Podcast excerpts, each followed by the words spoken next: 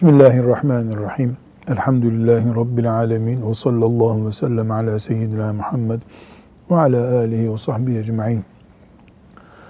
Riyazu Salihin isimli hadis kitabını Büyük İmamımız Nevevi rahmetullahi aleyh Peygamber Efendimiz sallallahu aleyhi ve sellemin hadisi şeriflerini seçerek dizayn etmiş. Ve her bir grup hadisi şerife bir başlık koymuş. Mesela sabırla ilgili bölüme bir başlık koymuş. Mesela e, ebeveyne saygıyla, sıla-i rahimle ilgili bir başlık açmış. Koyduğu başlıklarla Müslümanların ilgilenmesi gereken, dikkat etmesi gereken yönleri tespit etmiş. Mesela Resulullah sallallahu aleyhi ve sellemin sünnetini yaşamakla ilgili başlığı vardı. Şimdi alimlere saygı göstermekle ilgili bir başlık açmış. Bu neyi gösteriyor? Nevevi'nin aklında Resulullah sallallahu aleyhi ve sellem Efendimizin hadisi şeriflerini okurken, incelerken o hadislerin ona verdiği yönlerden birisi de Müslüman, peygamberinin izinden giden insan aleyhissalatü vesselam alime saygı gösterir. Bir nostalji olarak, tarihi bir gerçek olarak değil, Resulullah sallallahu aleyhi ve sellem Efendimizin bıraktığı dinin gereği olarak alime saygı gösterilmesi gerekiyor. Bunu anlamış Nevevi, Peygamber sallallahu aleyhi ve sellem Efendimizin hadisi şeriflerinden. Biz sırayla bu hadisi şerifleri okuyacağız. Fazla e, hadisi şerifler hakkında e, ayrıntılı bilgiye girmeye gerek yok. Hadisler çok rahat anlaşılıyor. Efendimiz sallallahu aleyhi ve sellem herkesin kişiliğine göre bir yere oturtulmasını istiyor. Alim, alim olduğu için bir saygı görmeli. Baba, baba olduğu için saygı görmeli. Çocuk, çocuk olduğu için şefkat görmeli. Siyasetçi, adil olduğu zaman Müslümanların saygısını görmeli. Herkes kişiliğinin hak ettiği yeri bulmalı ki toplumda oturmuş bir adalet ve oturmuş bir insanlık bulunsun. Öbür türlü insanlığın, adaletin e, ve saygınlığın propagandası yapılır. Kendisi bulunmaz maazallah. Konuya başlarken alimlerin önemini vurgulayan bir hadisi şerif e, estağfurullah ayet-i celile Zümer suresinden naklediyor. Ayet-i celileyi metniyle beraber hafız dinleyelim. Euzu billahi mineşşeytanirracim. Bismillahirrahmanirrahim. Kul hel yestevillezine ya'lemune vellezine la ya'lemun innema yetezekkeru ulul elbab. De ki bilenlerle bilmeyenler hiçbir olur mu? Bunu ancak akıl sahipleri anlar. Evet, bilenle bilmeyen bir olmaz. Bunu da Allahu Teala bize hatırlatıyor. Yani İnsan, alim olanla olmayan aynı değil. Aynı değil. Bunu böyle anlamayanda da akıl yok. Akıllı insan bilir ki ilmin hayatta bir karşılığı var. Eğer insan bu karşılığı takdir edemiyorsa onda akıl yok demektir. 349. hadisi şerifteyiz. Resulullah sallallahu aleyhi ve sellem Efendimiz'den e, bir kıssa naklediliyor. Onu dinleyelim. Ebu Mes'ud Ukbe İbni Amr el-Bedri el-Ensari radıyallahu anh'ten rivayet edildiğine göre Resulullah sallallahu aleyhi ve sellem şöyle buyurdu. Cemaate Kur'an'ı en iyi bilen ve en iyi okuyanları imam olsun. Kur'an bilgisinde eşitseler sünneti en iyi bilen, eğer sünnet bilgisinde de denk olurlarsa önce hicret etmiş olan, hicret etmekte de aynıysalar yaşça en büyükleri imam olsun. Hakim ve yetkili olduğu yerde kişiye izni olmadıkça bir başkası imam olmaya kalkmasın. Hiç kimse başkasının evinde izni olmadıkça ev sahibinin özel yerine oturmasın. Müslim'in bir diğer rivayetinde yaşça en büyük olan yerine ilk Müslüman olan yani önce Müslüman olan şeklinde bir kayıt bulunmaktadır. Yine diğer bir rivayette de cemaate Allah'ın kitabını en iyi bilen ve kıraatte en ileri gelen imam olsun. Eğer okuyuşları aynıysa önce hicret eden imam olsun. Eğer hicrette de aynıysalar yaşça en büyükleri imam olsun buyurulmuştur. Sallallahu aleyhi ve sellem. Gayet açık. Efendimiz sallallahu aleyhi ve sellem Müslüman toplumda alimlerin yani Resulullah'ın sünnetini yaşatan sallallahu aleyhi ve sellem alimlerin önde tutulmasını istiyor. Bunu da namaz örneğiyle veriyor. Çünkü namaz günde kaç defa? Beş defa ve cemaatle kırılıyor. Dolayısıyla Müslümanlar her gün beş defa namazla karşılaşıyorlar. Günde beş kere alimin öne geçirilmesi gerekiyor. Tabii ki bu camide görevli bir imam yoksa eğer, görevli bir imam varsa zaten resmilikten dolayı o önce geçiyor. Ama şurada 10 kişiyiz namaz kılalım. En alim kimse o namaz kıldırsın. Peki alimlik yok bizde ya da hepimiz aynı medresenin mezunlarıyız. O zaman hicret önce kim yaptı? Hicreti önce yapmak yani önce İslam saflarına sarılmak bu önemli. Hepimiz aynı çocukluktan beri Müslümanız. Hicret farklılığımız yok. Yaşça büyük olan. Demek ki e, Müslümanların ilminde bir öncelik var. Yaşlı olmakta öncelik var. Sosyal konumu itibariyle dikkate alınacak bir öncelik var. Bunlar dikkat ediliyor ve herkes belli bir e, yere oturtuluyor. Yani bir yerde e, hiçbir ilmi bilgisi olmayanla derin ilmi bulunan bir alim bir arada tutuluyorsa dini temsil eden ilmin bir ağırlığı yok demek ki orada. Çünkü alim şeriatı temsil ediyor. Peygamber sallallahu aleyhi ve sellemi temsil ediyor. O alim bunu hak etmiyorsa ayrı bir mesele tabii. Ama hem onun alim olduğunu kabul ediyoruz hem de ona özel bir saygı göstermiyoruz putlaştırmadan, abartmadan. Böyle bir toplum olmaz. Herkes oturtulduğu yere göre saygı görüyor demektir. Buna bir örnek daha veriyor Efendimiz sallallahu aleyhi ve sellem. Yine namaz üzerinden veriyor bu örneği. Bir yerde evdesin, ev sahibi öne geçsin. Müslüman bir insan ev sahibinin izni olmadan bir evde bir yere oturmamalı. Ev sahibinin bir ağırlığı var çünkü. Evin sahibi olma ağırlığı var. O evin mahremiyetinin hak sahibi olması söz konusu. Evet 350. hadis-i şerifi görelim. Benzer konular hep ard arda gelecek şimdi. Sırayla okuyacağız bunları. Ebu Mes'ud radıyallahu anh'ten rivayet edildiğine göre şöyle demiştir. Resulullah sallallahu aleyhi ve sellem namaza başlayacağımız zaman omuzlarımıza dokunarak şöyle buyururdu. Düz durun, karışık durmayın. Sonra kalpleriniz de karma karışık olur. Namazda benim arkama yaşlı başlı olanlar dursun. Onların arkasına kendilerinden sonra gelenler, daha sonra da onlardan sonra gelenler dursun. Yani namazda bile belli bir tertip düzen var. Peygamber sallallahu aleyhi ve sellem'in arkasına böyle önüne gelen oturmasın. Yani safta bile bir tertip düzen olsun. Camide bile herkes hak ettiği yeri bulsun ki Allahu Teala'nın huzurundayız. Ama niye bunu istiyor Efendimiz sallallahu aleyhi ve sellem? Yani imamın yanlış okuduğu zaman düzeltecek bir bilgisini olanın orada oturması lazım. 351. hadis-i şerifi okuyalım. Benzer mana onda da var. Abdullah İbni Mes'ud radıyallahu anh'ten rivayet edildiğine göre Resulullah sallallahu aleyhi ve sellem şöyle buyurdu. Aklı başında ve imamlık yapacak durumda olanlarınız namazda benim hemen arkama dursun. Sonra bu vasıflarda onları takip edenler dursunlar.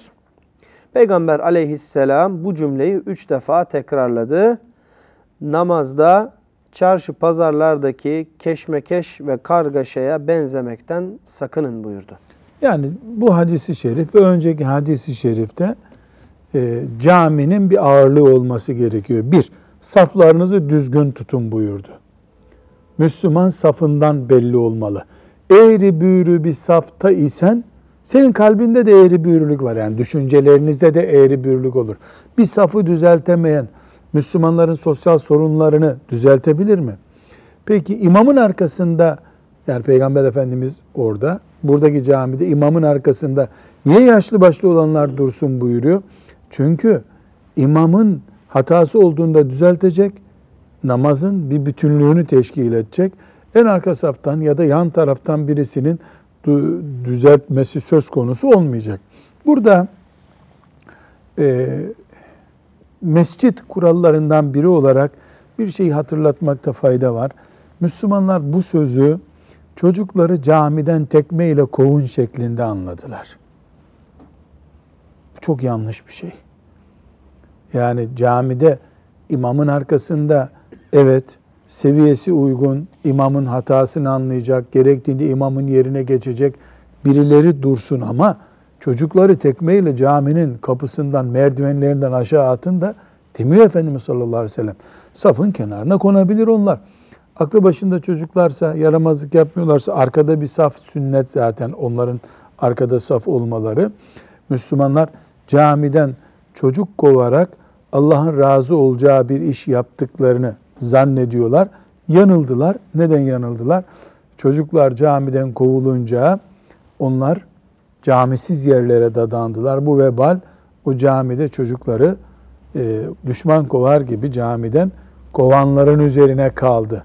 Buna bir çare bulunmalı. Müslümanların zihninde tabi. Müslümanlar buna bir çare üretmeliler. Evet 352. hadisi şerifi okuyalım. Hadis-i şerifte yine Efendimiz sallallahu aleyhi ve sellemin e, toplumda yaşa başa, ilme ve diğer saygınlık gerektirecek konumlara nasıl dikkat ettiğini ve nasıl yönlendirdiğini göreceğiz. Ebu Yahya Sehl İbni Ebu Hasme El-Ensari radıyallahu anh şöyle dedi. Abdullah İbni Sehl ve Muhayyisa İbni Mes'ud sulh günlerinde Hayber'e gitmişlerdi. Hayber bir şehir adı. Evet. İşlerini görmek için birbirlerinden ayrıldılar. Neticede Muhayyisa buluşma yerine geldiğinde Abdullah İbni Sehli kanlar içinde can çekişirken buldu. Onu defnetti ve sonra Medine'ye döndü. Abdullah'ın kardeşi Abdurrahman İbni Sehl bu durumu öğrenince yanına Mes'ud'un oğulları Muhayyisa ve Huvayyisa'yı da alarak Peygamber sallallahu aleyhi ve selleme gitti. Oradakilerin yaşça en küçüğü olan Abdurrahman olayı anlatmaya başladı. Bunun üzerine Resulullah sallallahu aleyhi ve sellem sözü büyüğünüze bırak, sözü büyüğünüze bırak buyurdu. Evet yani olayı özetleyelim. Efendimiz sallallahu aleyhi ve sellemin sağlığında iki arkadaş yola gidiyor. O arkadaşlardan biri ölü e, olarak bulunuyor bir ayrı oldukları bir zamanda. Durum Efendimiz'e intikal ediyor. Onların çocukları geliyor. E, mahkeme olunacak. Kim öldürdü, nasıl öldürüldü diye. O mahkeme esnasında küçük olan Abdurrahman yaşça küçük olduğu halde söze başlıyor. Halbuki mecliste büyükler de var. Efendimiz sallallahu aleyhi ve sellem sözü büyüğe bak, sözü büyüğe bırak diye uyarıyor. Herkese mahkemede bile olsa bir saygın muamele yapma terbiyesi bu. Abdurrahman sustu ve olayı ötekiler anlattı. Neticede Resulullah sallallahu aleyhi ve sellem katil üzerinde hakkınız olabilmesi için yemin eder misiniz buyurdu. Evet yani burada bir olay var. Bu olay Efendimiz sallallahu aleyhi ve selleme naklediliyor. Efendimiz de bu olayı yeminle çözüyor. Ee, özetleyeyim ben. Efendimiz sallallahu aleyhi ve sellem e, bu iki tarafı da yemin ettiriyor. Sen öldürmediğine dair e, 50 yemin ediyor. Bu tarafta yemin ediyorlar etmeyince, iki taraf yeminle çözülmeyince ben diyetini ödeyeyim diyor. Efendimiz sallallahu aleyhi ve sellem diyeti ödüyor ve bu sorun kalkıyor. Ama buraya Nebevi bu hadisi niye koydu? Mahkemede bile yaşlıya saygısızlığa izin vermiyor Efendimiz sallallahu aleyhi ve sellem. Bu bugünkü Müslüman için de bir ders. 353. hadisi okuyalım. Bir başka örnek görüyoruz bu hadis-i şerifte. Cabir radıyallahu anh'ten rivayet edildiğine göre Resulullah sallallahu, Sallallahu aleyhi ve sellem Uhud gazvesinde şehit düşenleri her mezara iki kişi konacak şekilde toplattı ve sonra şöyle sordu. Bunların hangisi daha çok Kur'an bilirdi? Şehitlerden hangisi gösterilirse önce onu kıbleden yana koyardı. Şimdi iki kişi mecburen mezara konuyor. Uhud'da da çok şehit var. Fazla mezar kazılamıyor. Mezar kazmaya da takatları yok zaten. Mecbur bir mezara iki kişi konuyor. Fakat mezarın kıble tarafı var. Kıble tarafı daha dini açıdan e, bereketli. Kimi koyacağız kıble tarafına? Dolayısıyla bir kişi önde, bir kişi arkada olacak mecburen. E, kimi koyacağız? Hangisi daha çok Kur'an biliyordu diye soruyor. Ya Resulallah bu beş sure biliyordu diyorlar. Bu da altı sure biliyordu. Çok bileni öne koyun buyuruyordu. Bunu Nebevi buraya niye aldı bu hadisi şerifi? Şunun için aldı. Kur'an bir sure, bir ayet fazla biliyor. Bu bir kişilik olarak, mümin insan olarak bir üstünlük gösteriyor. Bir farklılık gösteriyor. Efendimiz sallallahu aleyhi ve sellem mezara konurken bile bu farklılığa dikkat ediyor. İki ölü arasında da fark var o zaman. Ölüler arasında bile mümin oldukları halde fark var. Elbette iman ayrı bir şey. Yani imandan sonraki bir fark bu. Evet. Öbür hadis-i şerife geçelim. İbn Ömer radıyallahu anhuma'dan rivayet ediliyor. Peygamber sallallahu aleyhi ve sellem şöyle buyurdu. Rüyamda dişlerimi misvaklıyordum. Yanıma biri diğerinden daha yaşlı iki kişi geldi. Ben misvakı küçüğüne vermek istedim. Bana büyüye ver denildi. Ben de büyüye verdim. Evet. Şimdi burada bu hadisi şerifte Peygamber Efendimiz rüya görmüş. Hani öğrenmiştik ya sabah namazını kıldıktan sonra böyle bir muhabbet ortamı oluştuğunda söyleyin bakalım rüya gören var mı diye soruyordu Efendimiz sallallahu aleyhi ve sellem. Ee, onlar da anlatıyorlardı. Bazen de kendisi rüya anlatıyordu. Bir günde kendi rüyasını anlatmış. Rüyasında dişlerini misvaklıyor görmüş. Yanın iki kişi gelmiş ona. Birisine misvakı vereyim sen de misvakla demiş. Ama yaşlı olanı göstererek büyüğe ver, büyüğe ver demiş. Bu rüyanın özünde ne var? Efendimiz sallallahu aleyhi ve selleme rüyasında büyüğü tercih etme, büyüğe saygı gösterme, yaşlıya saygı gösterme öğretiliyor. Peygamberlerin rüyası hak mıdır? Haktır. Bizim gördüğümüz rüyalar gibi mi onun rüyası? Hayır.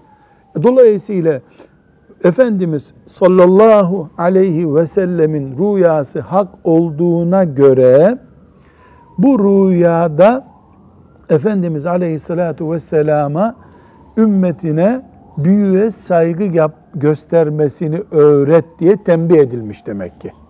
Hocam burada e, okuduğumuz hadislerde hep e, büyüye saygıyı ifade ederken bizim e, ana konumuzdaki o başlıkla alimlere saygı göstermek acaba e, büyük olmak demek daha bilgili olduğu için mi acaba bunun ihtiramı Yok. gösteriyoruz yoksa İlimde büyüklük bir numara, yaşta büyüklük iki numara, siyasi otoritelikte büyüklük yani bir büyüklük çeşidi. Ama alimlik bunların hepsinin üstünde kuşatıyor. Sadece yaş büyüklüğü, sadece ilim büyüklüğü kastedilmiyor. Evet. 355. hadisi şerifi okuyalım. Ebu Benzer Musa, manalar hep burada.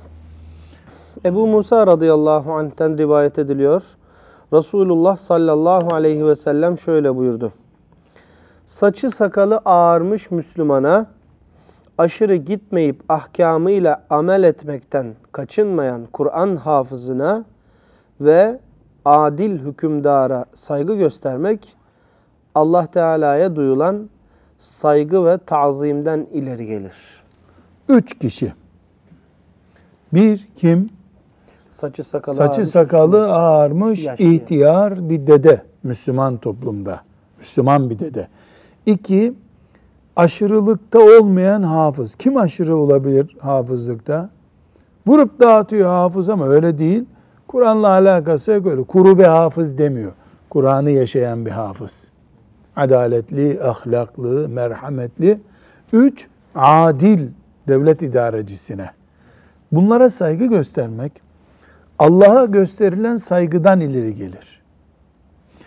Burada ne demek istiyor Efendimiz sallallahu aleyhi ve sellem? Bu saygıyı aslında sen Allahu Teala'nın saygın görülmesinden dolayı yapıyorsun onlara. Çünkü yaşlı ihtiyar saçını sakalını İslam'la ağartmış bir ihtiyar. Yani o basit bir kimse değil. Şu kadar senedir Allah'a secde etmiş biri.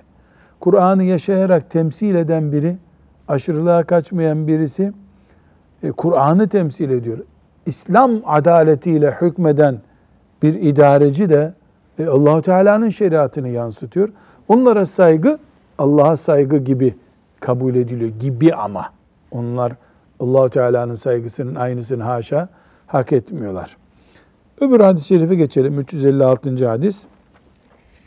Amr İbni Şuayb'ın babası aracılığıyla dedesinden rivayet ettiğine göre Resulullah sallallahu aleyhi ve sellem şöyle buyurdu. Küçüklerimize acımayan, büyüklerimizin şerefini tanımayan bizden değildir. Büyüklerin hakkını tanımayan şeklinde de Ebu Davud'da bir rivayet var. Bir daha bu siyah puntolu cümleyi Efendimiz'e ait sözü bir daha oku. Küçüklerimize acımayan, Küçüklerimize acımayan. büyüklerimizin şerefini tanımayan bizden değildir. Evet. Küçüklerin acınması, büyüklerin şerefinin bilinmesi. Burada eee, şöyle bir not açmamız lazım. Bizden değildir sözü. Neyi yansıtıyor? Bizden, biz kime diyor Efendimiz sallallahu aleyhi ve sellem? Kendisi ve etrafındaki Müslümanlara biz diyor. Bizden değildir ne demek o zaman? Müslüman değildir demek. Halbuki biz melekleri inkar edene Müslüman değildir diyorduk. Kaderi inkar edene Müslüman değil diyoruz. Efendimiz sallallahu aleyhi ve sellem küçük çocuklara acımayan, büyüklere saygı göstermeyen bizden değildir diyor. Bu sözde bir yanlışlık olabilir mi? Peygamber sözü olduğu halde haşa. Peygamberin sözünde yanlışlık olur mu? Olmaz. Ama ortada bir gerçek var.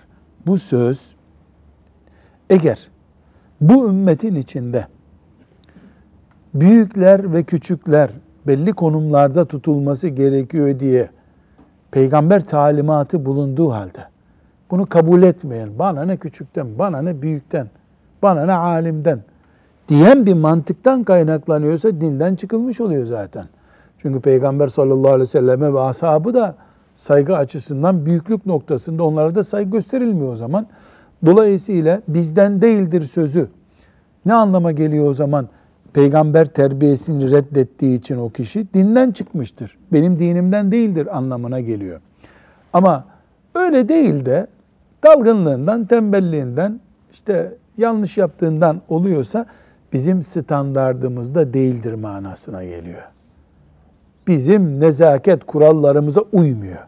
Yani ey Müslüman değil o anlamına geliyor. İnşallah büyük oranda e, bu ikinci manadadır. Yani iyi Müslüman değil yoksa çok tehlikeli bir şey. Buradan ne anlıyoruz biz? Resulullah sallallahu aleyhi ve sellemin istediği toplum, küçüklere merhamet edilen, büyüklere saygılı olunulan ve toplumun birbirinin hakkını bildiği toplumdur. İnsanların birbirine karşı seviyelerini korudukları, büyüklerin ezilmediği, küçüklerin hor görülmediği toplum, ümmeti Muhammed'in göstermesi gereken tablonun toplumudur. Eğer bir toplumda 80 yaşındaki ihtiyarlar, 8 yaşındaki çocuklarla aynı tutuluyorsa, hatta çocuk konuştukça ihtiyara söz kalmıyorsa, leyse minna diyor hadis değil mi? Bizden değil diyor. Bizden değil. Peygamber sallallahu aleyhi ve sellem böyle bir toplum koruyup gitmedi. Böyle bir toplum emretmedi. Küçükler merhamet görecekler, büyükler saygı göster görecekler. Küçüğün şu andaki görüntü nedir? Küçüğün merhametine büyük muhtaç hale getirildi şu anda. Dedelere saygı göstermesi rica ediliyor çocuklardan. Bu bir afet. Bu bir Efendimiz sallallahu aleyhi ve sellem'in bizden değildir buyurduğu bir şey. Ee, İnşaallahu Teala bu afeti çok daha fazla yaşamayız. Ümmeti Muhammed bu sünnete döner, rucu eder. Evet, 357. hadis-i şerife bakalım. Meymun İbni Ebu Şebib rahimehullah rivayet ediyor. Diyor ki bir gün Ayşe'ye radıyallahu anha bir dilenci geldi. Ayşe kim? Annemiz. Annemiz. Ayşe radıyallahu anha ona bir parça ekmek verdi. Kılığı kıyafeti düzgün bir başka adam geldi. Onu da sofraya oturtarak yemek ikram etti. Bu farklı davranışının sebebini soranlara Ayşe radıyallahu anha şöyle cevap verdi. Resulullah sallallahu aleyhi ve sellem insanlara mevki, makam ve seviyelerine göre muamele ediniz buyurmuştur. Evet. Demek ki Ayşe anamızın Peygamber sallallahu aleyhi ve sellem'den öğrendiği terbiyede ne var? Herkesi ağırlığına göre değerlendirmek var. Dedik ya 80 yaşında bir insana yapılan muamele ile 8 yaşında çocuğa yapılan muamele aynı değil. İkisine de ekmek veriyorsun ama birine çocuğun eline bir ekmek verip gönderiyorsun, öbürünü sofraya oturtuyorsun. Birine hoş geldin yavrum diyorsun, öbürüne hoş geldiniz kardeşim nasılsınız diyorsun. Bu insanlara karşı adil olmanın gereğidir. Eşit olmak başka bir şey tabi. Herkese birer mendil dağıtırsın, eşitlik olur bu. Ama kimine mendil değil de pijama lazım, pijama verirsin. Gömlek lazım olana gömlek verirsin. İşte söz bir kelimeyle evet veya hayır demen gerekir. İzah etmen gerekir. Elini öpmen gerekir. Ayağa kalkman gerekir. Şahsa göre. Mesela insanın babası ve kayınbabası. İkisinin de adı babayla anılıyor bizim toplumumuzda. İkisi için de ayağa kalkmak gerekir. Neticede bunlar senden büyük insanlar. Hoş geldiniz demek gerekir. Kayınpedere hoş geldinle kendi öz babana hoş geldin arasında fark olmayabilir. Ama birisine 10 dakika bir saygı gösterdikten sonra bir emriniz var mı? Ben filan yere gideceğim deyip gidebilirsin. Babana ise bunu yapamazsın. Onun ihtiyacı bitmeden ayrılamazsın sen. Senin hanımın kız da onun babasına öyle yapacak elbette. Babayla kayınbabayı eşit tuttuğun zaman bu adaletsizlik olur. Hiçbirine saygısızlık hakkın yok senin. Edep dışı davranamazsın.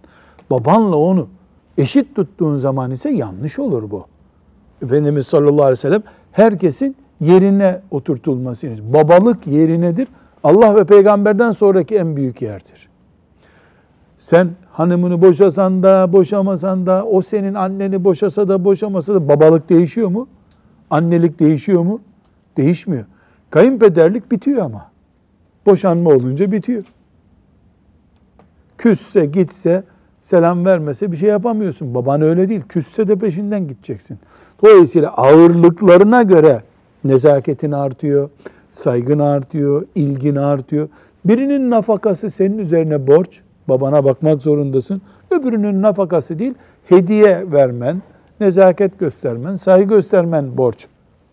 Yani herkesi yerine göre oturtmak budur. Bunu izah ediyor Efendimiz sallallahu aleyhi ve sellem. Bir sonraki hadisi şerife geçelim. Abdullah İbni Abbas radıyallahu anhuma şöyle dedi. Burada çok güzel bir hatıra var. Abdullah İbni Abbas radıyallahu anhuma e, Efendimiz sallallahu aleyhi ve sellem'den sonra Ömer radıyallahu anh'ın devleti yönettiği bir zamana ait hatıra naklediyor. 51. hadisi şerifte bunun şerhi açıklaması geçtiği için daha eski derslerde burada tekrar etmiyoruz onu. Ama her halükarda hatıra çok değerli. Ömer radıyallahu anh'ın e, nasıl bir insan olduğunu ve nasıl e, Allahu Teala'nın şeriatına göre hayatına şekil verdiğini e, anlatan bir konu. O yayına İbni Hısn Medine'ye geldi ve yeğeni Hur İbni Kays'a misafir oldu. Hur, Ömer'in danışma meclisi üyelerindendi. Zaten genç olsun, yaşlı olsun alimler Ömer'in danışma meclisinde bulunurlardı. Bu sebeple o yeğine yeğeni Hur İbni Kays'a yeğenim senin devlet başkanı yanında itibarın yüksektir. Beni kendisiyle görüştür. dedi. Yani torpil yap diyor şimdiki ifadeyle. Ya beni Ömer'le bir görüştürsene diyor. Hur Ömer'den izin aldı. Uyeyne Ömer'in yanına girince Ey Hattaboğlu Allah'a yemin ederim ki bize fazla bir şey vermiyorsun. Aramızda adaletle de hükmetmiyorsun dedi. Ömer'e ne diyor? Adaletle hükmetmiyorsun bizim bütçeyi kıstın diyor Ömer'e radıyallahu anh. Ömer hiddetlendi. Uyeyne'ye ceza vermek istedi. Bunu sezen Hur, ey müminlerin emiri, Allah peygamberine Araf suresinin 199. ayetinde affı seç, iyiliği emret, cahillerin kusuruna bakma buyurdu. Benim amcam da cahillerdendir dedi. Ravi diyor ki Allah'a yemin olsun Hur bu ayeti okuyunca Ömer Uyeyne'yi cezalandırmaktan vazgeçti. Zaten Ömer Allah'ın kitabına son derece bağlıydı. Ne yaptı adam? Seviyesizlik yaptı. Ömer radıyallahu anh gibi bir adama adaletsizlik yapıyorsun, zulmediyorsun bize dedi. Hak ettiği kırbaçtı onun orada veya kovulmaktı. Ömer radıyallahu anha onun danışma meclisinde, şura meclisinde olan Hür ne dedi? Bu adamı adam yerine koyma dedi. Yani bunu, bunu boş ver. Bu kaba bir adam bu dedi. Ayet okudu. Ömer o ayete uyup o adamı muhatap listesine almadı. Ses çıkarmadı. Ömer'in ayete imanı, ayeti nasıl pratik uyguladığı, o şahsın seviyesizliğine karşı seviyesizliğine düşmemek, herkesi yerine oturtmak örneği olduğunu hadisi şeriften anlamış olduk. Evet, şimdi 359. hadis-i şerifi okuyalım. Ebu Said Semura İbni Cündep radıyallahu anh şöyle dedi. Resulullah sallallahu aleyhi ve sellem hayattayken ben çocuk denecek yaştaydım. Bu sebeple kendisinden duyduklarımı ezberliyordum. Ne var ki burada hazır bulunan yaşlı kimselere duyduğum saygı onları söylemekten beni alıkoyuyor. Yani e, Semura İbni Cündüb, Cündep radıyallahu an e, sahabi. Çocukken Efendimiz sallallahu aleyhi ve sellemin yanında bulunmuş. Öğrenmiş. Sonra Efendimiz sallallahu aleyhi ve sellem vefat edince gün olmuş seneler sonra bir mecliste konuşması gerekiyor. Bir konu konuşuluyor. O konuyla ilgili hadisleri de biliyor. Konuşması gerekiyor ama konuşmuyor. Semure, sen bunları bilmiyor musun? Diyorlar. Biliyorum ama diyor. Ben üstelik çocuktum. Ezberlemiştim bu konuları diyor. Ama burada benden büyük sahabiler var. Onlar varken ben konuşmak istemiyorum. Ne yapıyor? Peygamber terbiyesi görmüş birisi kendisiyle yaşlılar arasında bir mesafe belirliyor. Onların olduğu yerde ben konuşmayayım düşünüyor. Ne anlıyoruz buradan?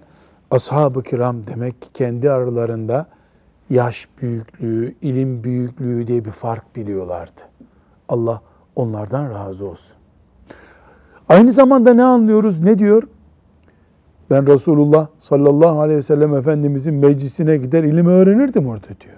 Demek ki çocuklar bu tip meclislere sokuluyorlarmış. Çocuklar sokuluyor ama büyükler ezdirilmiyor çocuklara. Şimdi samuranın üzerinde ikisini de görüyoruz. O Peygamber sallallahu aleyhi ve sellem'in meclisine oturmuş. Çocuk olduğu halde Ömerlerin, Ebu Bekirlerin, Osman, Alilerin yanında oturmuş. Ama öyle bir yetişmiş ki büyüklere saygısızlığa yanaşmıyor. Burada şüphesiz e, Efendimiz sallallahu aleyhi ve sellemin sünnetinin sahabe üzerinde nasıl pratik olduğunu görüyoruz. Aynı zamanda tabi küçükken ilim öğretilmesinin bir çocuk açısından ne kadar değerli olduğunu da anlamış oluyoruz. Son hadis-i şerifi de okuyalım bu konuyla alakalı. Enes bin Malik radıyallahu anh'ten rivayet edildiğine göre Peygamber sallallahu aleyhi ve sellem şöyle buyurdu.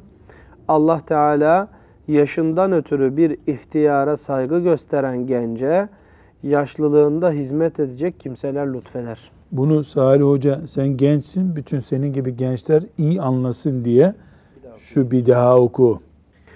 Allah Teala yaşından ötürü bir ihtiyara saygı gösteren gence yaşlılığında hizmet edecek kimseler lütfeder. Evet. Genç. Yaşlıya hürmet ediyorsa karşılığını bu dünyada görüyor. Kendi de hürmet görüyor. Aksi de var mı bunun? Var tabii.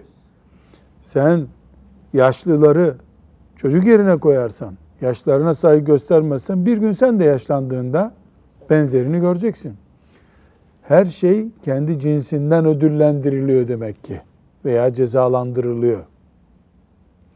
Buradan anlıyoruz ki Resulullah sallallahu aleyhi ve sellem Efendimiz alimin alim gibi, yaşlının yaşlı gibi, adil siyasetçinin siyasetçi gibi, çocukların çocuk gibi, herkesin hak ettiği saygınlık ve olgunlukta yer bulmasını istiyor toplumumuzda.